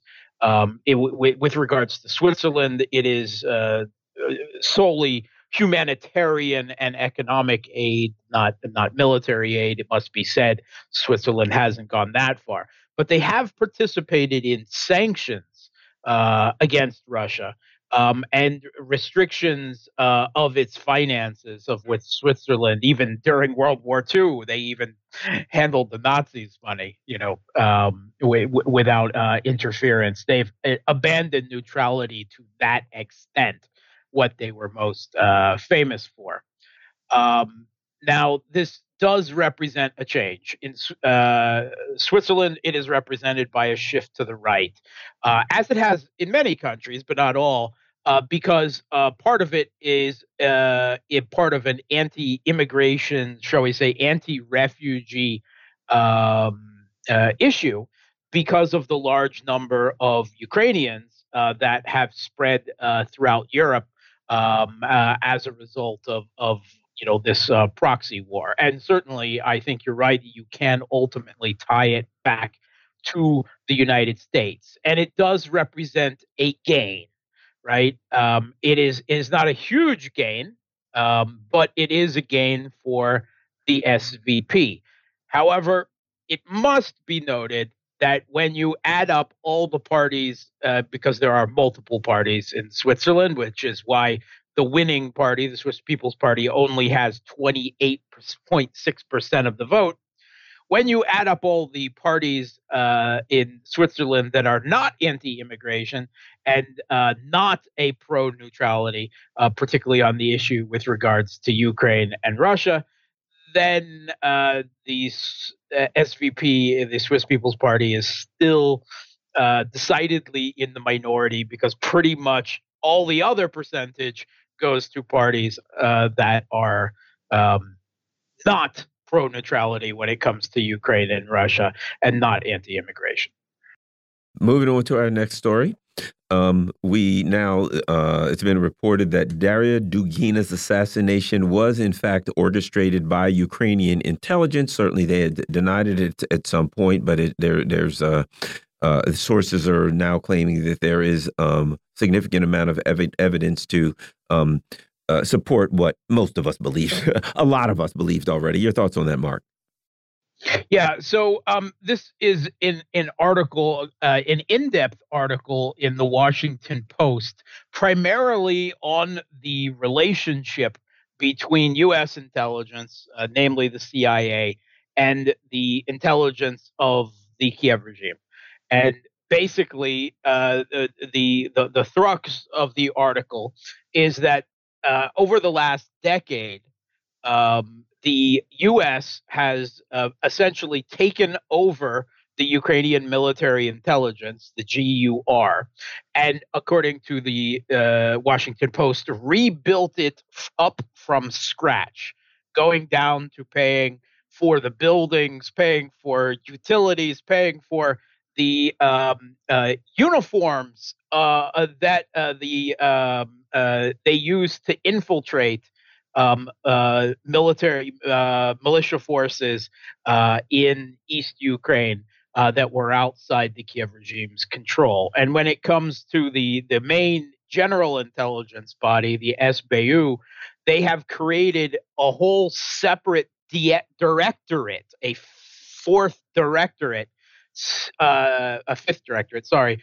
just for dealing uh, in collaboration with the CIA, more compartmentalized, so it's not uh, exposed to uh, Russian leaks and moles and most of the rest of the organization. And recently, also a, a, a sixth directorate for collaboration with MI6. What this tells us is that Western intelligence is essentially running uh, the Kiev regime's intelligence, uh, which means everything they do, the West has at the very least complicity and usually culpability. Um, it, they go uh, a little, you know, one thing they don't bring up is that, well, what happened in the last decade that brought about this change? Oh, 10 years ago in 2014, the Ukrainian government was overthrown in an openly US backed putsch. Well, that explains it, doesn't it? Right? Uh, you overthrow the government and then you take over the uh, security bodies uh, of the country and, and run them as your own. And the New York Times has previously admitted uh, through anonymous U.S. official, Biden admin officials, that the Kiev regime's intelligence was responsible for the assassination of the civilian Daria Dugin, the daughter of um, Alexander Dugin, the uh, philosopher uh, and political scientist, also a civilian, but he is pro Russia's intervention in Ukraine. So it was okay to try to kill him. That is essentially what the Washington Post tries to excuse away. And Daria Dugin, yeah, it's unfortunate, but she was his daughter and he deserved to die. So it just kind of happened. TASS reports U.S. provoking all out war in Middle East. According to the media, the U.S. committed itself to sending weapons and supporting Israel as it dispatched two aircraft carriers to the region. First, uh, i think I will forever laugh at President Putin's question, why are you guys doing this? And what is it that you're trying to provoke? I, I, I find that question to be uh, really, really funny. Uh, and then the other thing with this proliferation of weapons, I can, and we've, there have been numerous reports as it relates to weapons going into Ukraine that those weapons were being siphoned off and sent a whole lot of other places. So, just as a side note, one of the things I'm wondering is, and I hope this never, never happens, will we start to see civilian airliners being taken down and other types of uh, civilian targets being struck because of the United States and its proliferation of weapons that are not being tracked and sent all around the world? Mark Sleboda. Yeah, when you have that many uh, and a large amount of um, these uh, MANPADS, man portable air defense systems, right, uh, like the Stinger, uh, being uh, transferred uh, to a country that everyone agrees is the most corrupt country in Europe. And um, we have heard previously from NGOs that exist to bring, you know, have existed to bring weapons, European NGOs into Ukraine. So they're very pro Kiev regime, but have admitted that at least at some point in this conflict, only 30% of the weapons provided were reaching the front. The other 70% were going into the corruption black hole. And most of that, of course, being sold on the international black market. Now, it's really hard to trace any individual weapon uh, but for instance, uh, Benjamin Netanyahu, uh, the Israeli prime minister, has specifically said, said that they have identified weapons in Hamas's hands that uh, originated uh, in NATO weapons supplies to the Kiev regime in Ukraine. And recently, Hamas reportedly took a picture, right, um, of some of their stash of weapons and they included things like uh, British uh, NLAWs, uh, anti uh, uh, that's uh, um, anti-tank portable anti-tank weapons fired from the shoulder, um, and those are not something that has routinely been handed out. So it's almost certain that they they came as a result of that. So we very if they end up in the hands of Hamas, who has already used them for um, you know, uh, brutal tactics, which uh, I think many uh, rightly uh, say borders, uh, if not jumps across the line into terrorism. Where do they, where do they go from there? Does Hamas get more desperate, you know, in in their attempt to avert the ethnic cleansing of Gaza City, or does it get transferred to other groups like, say, Islamic Jihad or someone with even less compunctions than Hamas? And the global black market, of course. So, uh, yes, it is a very serious threat that no one in the West takes seriously because geopolitics trumps individual security. Mark Sleboda, as always, thank you so much for your time. Greatly, greatly appreciate that analysis. And we look forward to having you back. Thanks for having me. Folks, you're listening to the Critical Hour on Radio Sputnik. I'm Wilmer Leon, joined here by my co host, Garland Nixon. There's more on the other side. Stay tuned.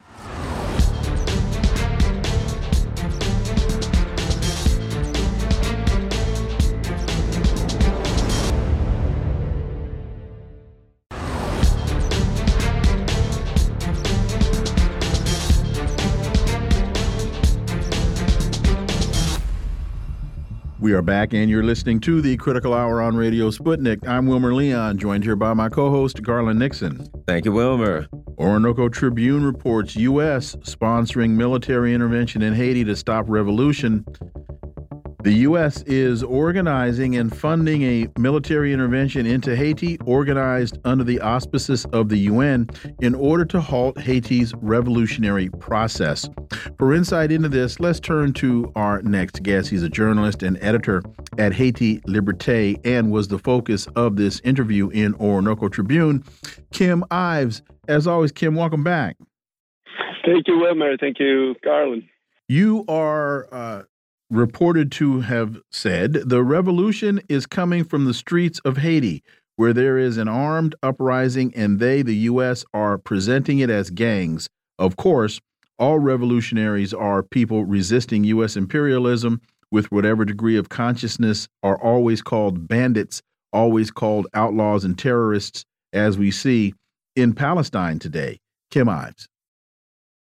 Yep. Uh, well, it's, it's, certainly the case for Haiti. Um, the we've talked a few times about the G9 movement. It's the G9 family and allies. Uh, mess with one, you mess with all is the full name. Revolutionary Forces is at the beginning of it, and uh, headed by a former cop uh, who uh, was betrayed by the institution that he devoted 14 years of his life to.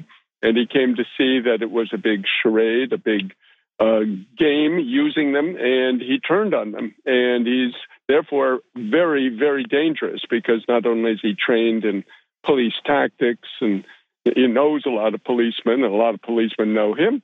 Uh, he uh, has a revolutionary program, which is basically to overthrow the capitalist system as it exists in Haiti. He doesn't quite understand it in that sense, but he just wants a total, thorough change. And the U.S. Uh, has flagged him for quite some time. They, they, they saw the danger of him even before we did here at Haiti Liberté, even though we're should be on the lookout for such things, but it, it took us a while to uh, understand exactly how dangerous he was to the system. So, this is why now they are uh, desperately trying to get troops on the ground in Haiti. And the essence is, as we've talked about on this show, the Global Fragility Act, which they have to get U.S. troops stationed in Haiti for 10 years. That's the deal of the act. They say, we'll give you food, uh, basically excess uh, agricultural product of the United States, rice, wheat, cooking oil, whatever. And then uh, you're also going to get our soldiers. will have their boots on the ground in your country. Uh, but to do this, they have to get a an elected government in place. There's nobody, there's not one single elected official in Haiti right now. And to get that, that's where they have to go through this um, very Byzantine formulation to get Kenya to go in to uh, basically wreak havoc, uh, hold elections, and get this puppet in who will do the uh, invitation to the U.S. Um, let me ask you this. It seems to me, and what I've been reading, that this is that you know, let's face it. In the past, they sent in UN, so-called peacekeepers, etc.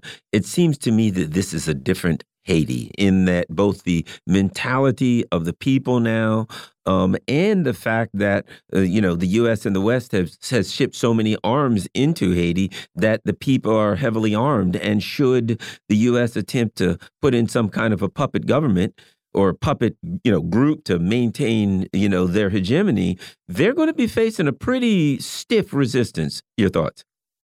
Exactly. It's a little like when you get uh, some sort of infection and you take antibiotics, but you don't take them long enough and you get what they call super germs, and then they're really hard to wipe those out. So it's not to compare the people's resistance to germs, but this is the essence. They they they did this in just to refresh for listeners who might not be as familiar with Haitian history, but in 19 uh, Jean Bertrand Aristide was the people's first attempt to have a democracy and a nationally focused uh, development in their country. And the U.S. immediately, after eight months after his election on December 16th, 1990, gave him a coup d'etat on September 30th, 1991.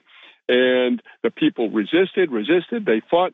and they brought in troops under Bill Clinton for the first time in uh, the, the uh, after the, the, first time was of course in 1915 to 1934, but really for the second time, and uh, brought Aristide back, but it was to put in a neoliberal program, and they ended up ditching Aristide. Uh, so they put in the program, and these troops uh, wrought havoc. Uh, then they did it again when Aristide came back in 2001 and they wrought even more havoc. The MINUSTAH for for for for 13 years from 2004 to 2017. So now they're trying to come with it again, and this isn't even a genuine uh, peacekeeping mission. This is simply a, um, a, a, a force concocted by the U.S. Uh, who is bribing Kenya to take the lead, and uh, the, the, Kenyans, of course, are notorious on the African continent and in the UN, even as being terribly brutal and corrupt. And so th- this this is now what the Haitian people see coming at them, and they are armed. They are ready. There's there's on the order of thirteen thousand armed people in Haiti, men mostly. Uh, many of them are criminal gangs, yes, but many of them are these vigilance brigades with a revolutionary agenda. In your opinion, looking at the fact that uh, uh Jimmy Barbecue Cherizier is a former police officer, as you very clearly stated, well versed in police tactics, and is the organizer of these uh, citizen brigades. We know that there are also armed, quote unquote, gangs. Do you see a situation where, under attack by these Kenyan forces, the Jimmy Cherizier contingent and the armed gang contingent join forces to repel the Kenyan U.S. backed invaders. Uh, and it's also important to realize that they're being characterized as police officers, but to your point, they are nothing but brutal soldiers, and that those Kenyans are actually going to walk into a bloodbath. Well, it's very interesting you raise it, and I address it to some extent in that Orinoco Tribune with um, Saheli uh, Chowdhury, who um, I, uh, sorry about that, mm -hmm. who I've done a pre previous interview with, and uh, the essence being that uh, he he's between a rock and a hard place. He he's he's got a choice.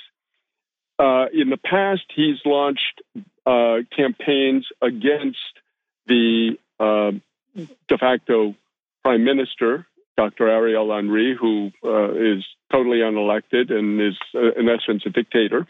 And when he has he's distributed money, that is, Henry has distributed money to the criminal gangs to hit Cherizier from behind. And so most of the past four or five years, he's been at war with the criminal gangs. Mm. So he had a choice. Is he going to try to take on the Kenyans and the Americans and the Jamaicans and whoever else join in uh, and have the criminal gangs hitting him from behind again? Or is he going to try to ally with them? Now, he chose the latter. He said, okay, I'm going to alliance with them uh, but he doesn't call it an alliance. He calls it a truce. And they, rolled it out on September 18th, and it was called Vivre Ensemble, Live Together. And his idea was that because um, you know he's he's very class conscious, and he says, you know, you are people just like me. We come from the same streets, from the same gutters. We, you know, why are we shooting each other for the bourgeoisie? Let's let's work together, and you know, so he has this constant, I should say, um, uh, hope or, or dream that he can somehow convince his class brothers and sisters to to join with him in this crusade. But at the end of the day, these are in many cases criminal gangs. They're totally um, how could I say spoiled in the sense that the only thing that can interest them is money. They don't have that consciousness, and uh, you know I don't think they're redeemable. At least that's what uh, we argued with him. Uh, he went forward, but th- with them, and we felt that on three levels this was dangerous. One, because uh, the, the, U.S. can say, "Oh, you see, I told you." So they're all together. They're all the same thing. They're all gangs. One, two. These are the people who, because of their cynicism, as as as Machiavelli teaches us in the the Prince, uh, you know, they're mercenaries are the first one to, to to betray you. And thirdly, the people are not going to forgive a lot of these criminal gangs for the terrible things they've done to the population in terms of kidnapping and and and uh, and rape and etc. So, uh, but nonetheless, nonetheless, uh, the whole thing came apart after only four or five days when one of the leading criminal gangs, or two of them, uh, went and attacked uh, the towns of Saut-d'Eau and Mirebalais on the upper central plateau. And, you know, the whole thing kind of came apart very quickly. So he's back in the position where he, I think, allied with the people with these sort of mobs of machete wielding angry citizens are going to have to be the ones to take on the uh, in, intervention that the Kenyans and Americans are doing. Now, my understanding is that um, a number of these uh, criminal gangs are, in fact, both armed and um, and funded and financed by the the oligarchs, the the most of whom have um, uh, uh, citizenship in some of you know France or the U.S. or Canada anyway. That they're already kind of puppets for these oligarchs. Kim. Uh, correct. Yeah, they are. They have been. Uh, the, the, the government itself uses them. Like there's a guy called Innocent Vitel'Homme, uh, who is actually a pretty educated guy. Who was uh, educated in Switzerland or someplace, but he heads one of the um, worse criminal gangs, but he is very close with Ariel Henry and with the um, uh, group that supports him, a thing called the Democratic and Popular Sector, SDP, which he worked for. In fact, he was working for them prior to Jovenel's fall or assassination. And uh, when they came into power with Ariel Henry, the SDP, uh, they, they sort of kicked him to the curb, and he was pretty bent out of shape about it. And that's when he really went on some of his criminal sprees. So, uh, uh, nonetheless, he remains working with them on a sort of ad hoc basis, and a number of the other uh, groups do too. When we were shooting down there, that's Dan Cohen and myself, in late August, uh, you know, our fixer who had been in prison and uh, worked for the Interior Ministry uh, explained to us that they'd sent three million gourdes to Ti Lapli, who's the head of the Grand Ravine gang, one of the worst kidnapping and violence sowing gangs. And uh, so, you know, this is exactly what happens. It's not just the oligarchy which hires them, but also the government. Kim Ives, as always, thank you so much for your time. Greatly, greatly appreciate your uh, analysis. And as always, we look forward to having you back. Thanks, you guys. Keep up the good work. Folks, you've been listening to the Critical Hour here on Radio Sputnik. Thank you for allowing our voices into your space. On behalf of myself and my co host, Garland Nixon, we hope you were informed and enlightened. And we look forward to talking with you all right here tomorrow on Radio Sputnik. Be safe. Peace and blessings. We're out.